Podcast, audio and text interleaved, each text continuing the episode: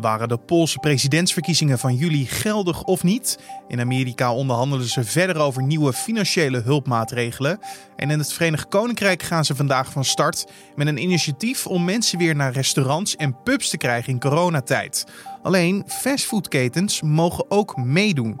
En dat is gek voor een land wat vorige week nog kwam met een overheidscampagne tegen overgewicht. Dit wordt het nieuws. En dat is wat je ja, van veel mensen ook terug hoort. Van, het is zo onduidelijk, er is zoveel chaos. Uh, we begrijpen echt niet wat ze aan het doen zijn. En het lijkt gewoon af en toe alsof ze het, uh, nou ja, alsof Boris Johnson het, terwijl hij aan het praten is, verzinnen is. Het, het hele beleid. Dat was Vanessa Lamsveld, Verenigd Koninkrijk verslaggever van Eén Vandaag. Met haar gaan we straks verder praten over het Eat Out to Help Out plan van de regering. En waarom er zoveel kritiek is op de manier waarop de premier en zijn ministers handelen in de coronacrisis. Maar eerst kijken we kort naar het belangrijkste nieuws van nu. Mijn naam is Carne van den Brink. Ik hoop dat je een heel fijn weekend hebt gehad en dat je weer klaar bent voor deze maandag 3 augustus. De helft van de patiënten die de afgelopen jaren op een long-stay-afdeling van een TBS-kliniek terecht is gekomen, komt uiteindelijk in een minder beveiligde zorginstelling terecht. Dat schrijft Trouw op basis van cijfers van de Landelijke Adviescommissie Plaatsing Langdurige Forensische Psychiatrische Zorg. Van de patiënten die niet meer op deze afdeling verblijven, wonen er nu 15 zelfstandig. De overige patiënten wonen nu in GGZ-instellingen waar ze meer vrijheid hebben, zijn in de ouderenzorg terechtgekomen of volgen een begeleid wonentraject. Bij 29 voormalig patiënten is de TBS beëindigd. De meeste van hen staan nog wel onder toezicht. De afgelopen jaren is het zes keer voorgekomen dat een TBS'er die de long-stay-afdeling had verlaten, later toch terugkeerde. Het aantal doden in Iran als gevolg van het coronavirus is bijna drie keer zo groot als de Iraanse regering beweert. Dat meldt BBC News, die onderzoek deed na een datalek.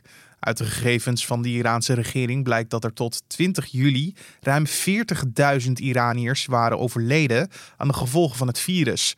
Volgens het Iraanse ministerie van Volksgezondheid gaat het echter om bijna 15.000. Halverwege maart waren de daadwerkelijke cijfers volgens BBC News vijf keer hoger dan werd gerapporteerd. Ook het aantal besmettingen blijkt uit de officiële gegevens van de regering bijna twee keer zo hoog te liggen. Het is niet duidelijk waarom de Iraanse regering de daadwerkelijke cijfers heeft achtergehouden.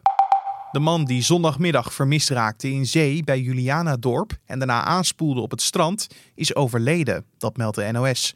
Het zou gaan om een 37-jarige man afkomstig uit Polen. De man probeerde drie kinderen uit het water te redden en raakte daarna vermist. De drie kinderen werden wel in veiligheid gebracht. De Koninklijke Nederlandse Reddingsmaatschappij zei in gesprek met NA Nieuws dat de drie kinderen in een zogenoemde muisstroom waren terechtgekomen. Dat is een stroming richting open zee. 27 oppositiepartijen in Venezuela hebben in een gezamenlijk manifest aangekondigd de parlementsverkiezingen in december te boycotten. Dat doen ze als verzet tegen de dictatoriale strategie van de Socialistische Partij van president Nicolás Maduro. De verkiezingen die op 6 december gepland staan, zouden door de Socialistische Partij gemanipuleerd worden. Daarom vinden de partijen dat zij meewerken aan de strategie van de partij als zij meedoen aan de verkiezingen. In 2018 werd de herverkiezing van Maduro om dezelfde reden ook al geboycott. Na de verkiezingen wierp Juan Guaido zich op als interim-president. De boycott kan ertoe leiden dat de oppositiepartijen hun meerderheid in de nationale vergadering verliezen. Je hoorde het al aan het begin, maar in deze podcast gaan we het dus hebben over het Verenigd Koninkrijk en hoe zij in de coronacrisis staan. Want om even het beeld te schetsen, in heel het Koninkrijk zijn er meer dan 300.000 besmettingen vastgesteld en bijna 46.000 mensen zijn overleden die besmet waren met het virus. Afgelopen vrijdag moest de regering de aangekondigde versoepelingen van de coronamaatregelen voor zeker twee weken uitstellen vanwege een hoge toename van het aantal besmettingen. Een dag eerder werden al maatregelen aangescherpt in Noord-Engeland. Het zorgt voor angst voor een tweede golf en kopzorgen voor ondernemers die hun inkomsten zien kelderen. Voor mensen in de horeca heeft de Britse regering iets nieuws verzonnen. Eat out, to help out. Nou, met deze regeling hopen ze dat mensen weer andere ondernemers zullen ondersteunen door bij hun wat eten of drinken te kopen voor een schappelijk prijsje. Echter is er ook veel kritiek op dit plan. Hoe dat zit, vroeg ik aan Vanessa Lamsveld, Verenigd Koninkrijk verslaggever van vandaag? Nou, het is eigenlijk een uh, initiatief om de, uh, ja, de, de, de hospitality-branche, dus de restaurants en de cafés, om die te helpen. Um, en het idee is dat uh, klanten krijgen 50% korting op wat ze nuttigen. En dat gaat dus vandaag in. Um, en uh, ja, het is gewoon om een impuls te geven. Want uh, mensen in Groot-Brittannië zijn nog steeds heel terughoudend ook om, uh, nou ja, om naar uit eten te gaan, om naar de pub te gaan. En ze hopen dat dit dat een beetje stimuleert. Alleen ja, een probleem daarvan is, is wel dat het ook, nou, dat het heel populair is onder de junkfood-industrie. Die komen ook, die doen, die grijpen dit initiatief in beide handen aan en die doen volop mee. Um, maar ja, de vraag is natuurlijk: wil je stimuleren dat mensen uh, vettig eten als Kentucky Fried Chicken en McDonald's naar binnen gaan werken? Uh, terwijl tegelijkertijd natuurlijk obesitas en een van de grote uh, nou ja, problemen is bij corona en ook natuurlijk in de Britse maatschappij sowieso al een enorm probleem is. Ja, het is gewoon iets heel tegenstrijders. Want de week daarvoor zijn ze juist begonnen met een campagne tegen overgewicht en allemaal maatregelen. En dan nu dit. Eh, er is heel veel kritiek op, hè? Absoluut. En ja, inderdaad. Kijk, en dat overgewicht. Eh, premier Johnson zelf heeft natuurlijk aan den lijve, letterlijk aan den lijve ondervonden. Die kampt daar zelf ook al uh, eindeloos mee. Die heeft natuurlijk corona gekregen. Nou, dat heeft hem. Het inzicht gegeven dat, hij, nou ja, dat, dat er toch ook echt nu iets moet gebeuren. Niet alleen zelf, want hij zelf, zelf ook fanatiek gaan sporten sinds hij corona heeft gehad. I've always wanted to lose weight for ages and ages. And I, like I think many people, I struggle with my weight, go up and, and down. But since I, I recovered from coronavirus, I've been steadily building up my fitness. Uh, maar dus ook echt nationaal. En ze hebben dus inderdaad een campagne afgekondigd. En ze willen uh, de reclame op junkfood willen ze heel hard gaan aanpakken. Dus ze willen dat bijvoorbeeld online gaan verbieden, niet meer op tv voor negen uur. Nou zijn er al veel eerder dat soort initiatieven en plannen geweest. Dat is nooit doorgezet. Maar ja, nu dus met corona en, en dus ook de Boris Johnson die het zelf heeft gehad, willen ze dat echt gaan doorzetten. Maar ja, inderdaad, de tegenstrijdigheid daarmee met zo'n eat-out plan. Ja, dat is natuurlijk, dat kun je niet verkopen. Daar komen inderdaad kritische vragen op. En ja, wat het eigenlijk ook zegt is de tegenstrijdigheid. Het laat de tegenstrijdigheid zien waarmee de Britse regering nu ook ja, optreedt in deze coronacrisis. En dat is wat je ja, van veel mensen ook terug hoort. Van, het is zo onduidelijk, er is zoveel chaos. Uh, we begrijpen echt niet wat ze aan het doen zijn. En het lijkt gewoon af en toe alsof ze het, uh, nou ja, alsof Boris Johnson het, terwijl hij aan het praten is, verzinnen is. Het hele beleid. Ja, want criticasters zeggen momenteel: ga nou eerst de coronacrisis proberen onder controle te krijgen. En ga je dan pas bezighouden met bijvoorbeeld zo'n voorlichtingscampagne. Ja. Natuurlijk heeft het wel met elkaar te maken, maar ja, de kritiek is er. Ja. Want hoe gebukt gaat het VK momenteel nog aan deze crisis? Nou ja, de cijfers uh, zijn niet al te best. Ik een recent verschenen rapport laten zien. Hè, als je kijkt naar oversterfte in Europa, welke landen het meeste uh, de afgelopen maanden last hebben gehad van oversterfte uh, als gevolg van corona. Ja, dan scoort Engeland, Groot-Brittannië gewoon het aller, aller slechtst. En uh, nou ja, de laatste week zijn ook de, uh, het, het dodental is uh, enorm omhoog gegaan. Ook het aantal besmettingen is behoorlijk omhoog gegaan. en dat heeft er nu ook toe geleid dat veel van de versoepeling die Groot-Brittannië eigenlijk van plan was om dit weekend in te voeren. Ja, dat ze toch, zoals Boris Johnson zegt, op de rem hebben moeten gaan staan omdat, ja, omdat het niet kan en omdat die cijfers er dus zo slecht uitzien. Dus uh, ja, corona, nee, Engeland staat echt uh, heel slecht op het lijstje van landen die het goed hebben gedaan. En welke reden geven ze nou op voor het feit dat het coronavirus weer opleeft daar? Eh, dat maatregelen eh, verstrengd moeten worden of eh, versoepelingen uitgesteld worden? Volgen ze de regels niet goed op of is de Britse regering elke keer te laat? Zeg maar de oorzaak waarom Groot-Brittannië het zo slecht doet, ja, dat gaan ze nog onderzoeken. Boris Johnson heeft ook gezegd: ik ga een parlementair onderzoek daarnaar laten uitvoeren. Alleen niet nu, want ja, nu zitten we natuurlijk midden in die crisis. Um, ja, Boris Johnson is daar onlangs ook wel uitgebreid uh, naar gevraagd. Van waarom doen wij het zo slecht? Hij zit net een jaar, is hij premier. En hij heeft in een groot interview aan de BBC ook gezegd van ja... Het is nu te vroeg om, om daar echt antwoorden op te krijgen. Maar goed, ja, weet je, als je kijkt natuurlijk naar um, uh, uh, Groot-Brittannië als, als land en als factoren waar ze mee worstelen, bijvoorbeeld inderdaad de obesitas waar we het over hadden, ja, dat is gewoon al heel lang daar een probleem. En uh, kijk bijvoorbeeld naar uh, uh, ziektes als diabetes type 2, maar ook, ook hoge bloeddruk. Ja, dat is gewoon in, in Groot-Brittannië lijden veel meer mensen daaraan dan bijvoorbeeld in Nederland. Ja, en dat zijn natuurlijk wel net dingen die met corona geen goede bijdrage leveren.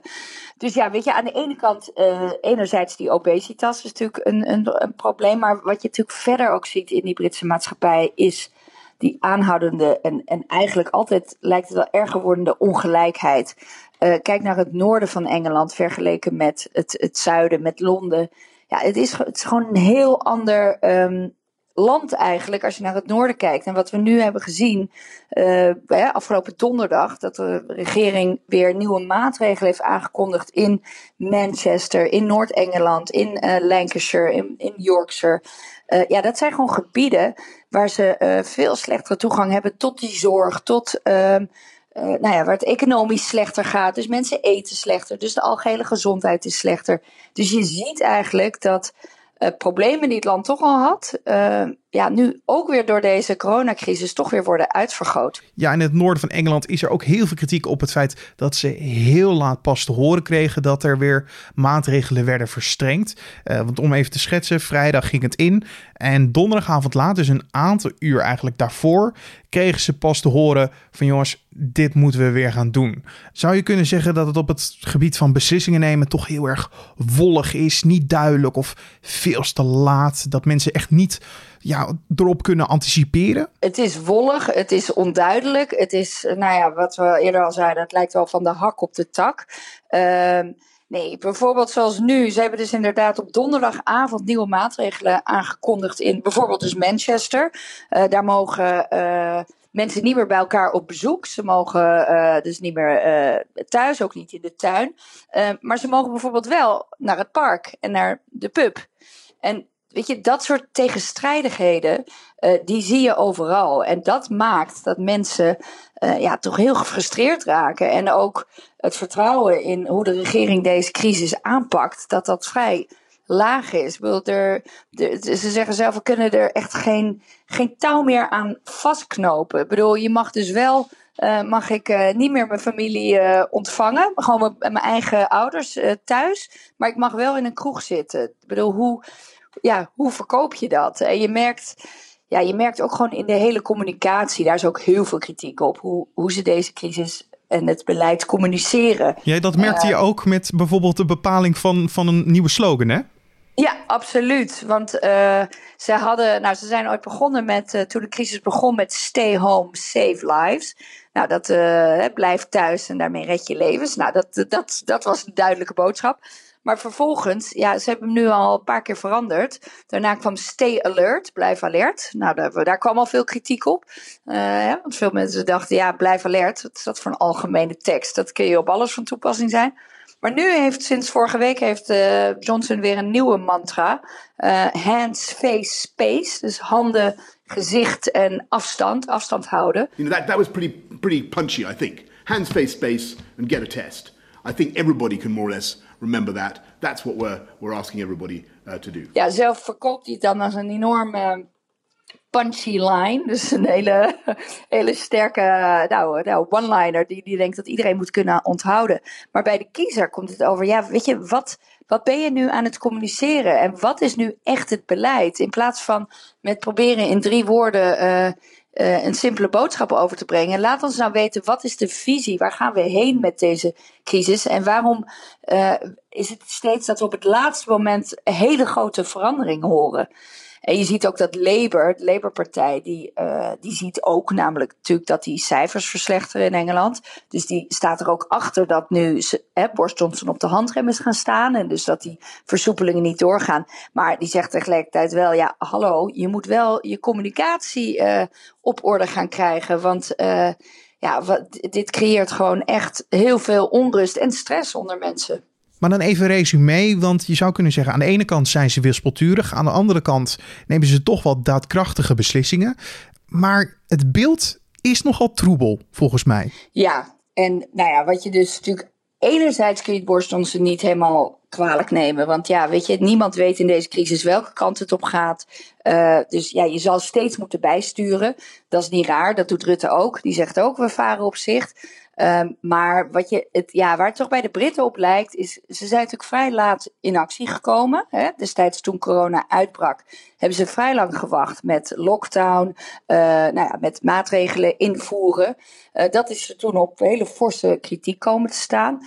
Maar ja, het lijkt nu een beetje alsof ze in de, uh, ja, weet je, de andere kant op schieten. En uh, wel heel snel nu bijsturen en bijna impulsief op het moment dat dus die uh, cijfers weer veranderen. En ja, daardoor krijg je toch een beetje een soort ad hoc, krampachtig beleid, lijkt het wel. Um, ja, wat niet heel, um, uh, nou in ieder geval niet veel vertrouwen wekt bij, bij de Britten. Dat was Verenigd Koninkrijk-verslaggever Vanessa Lamsveld. En dan kijken we nog even naar de nieuwsagenda voor de rest van de dag. Het Poolse Hoge Rechtshof buigt zich over de vraag of de presidentsverkiezingen van juli geldig was of niet.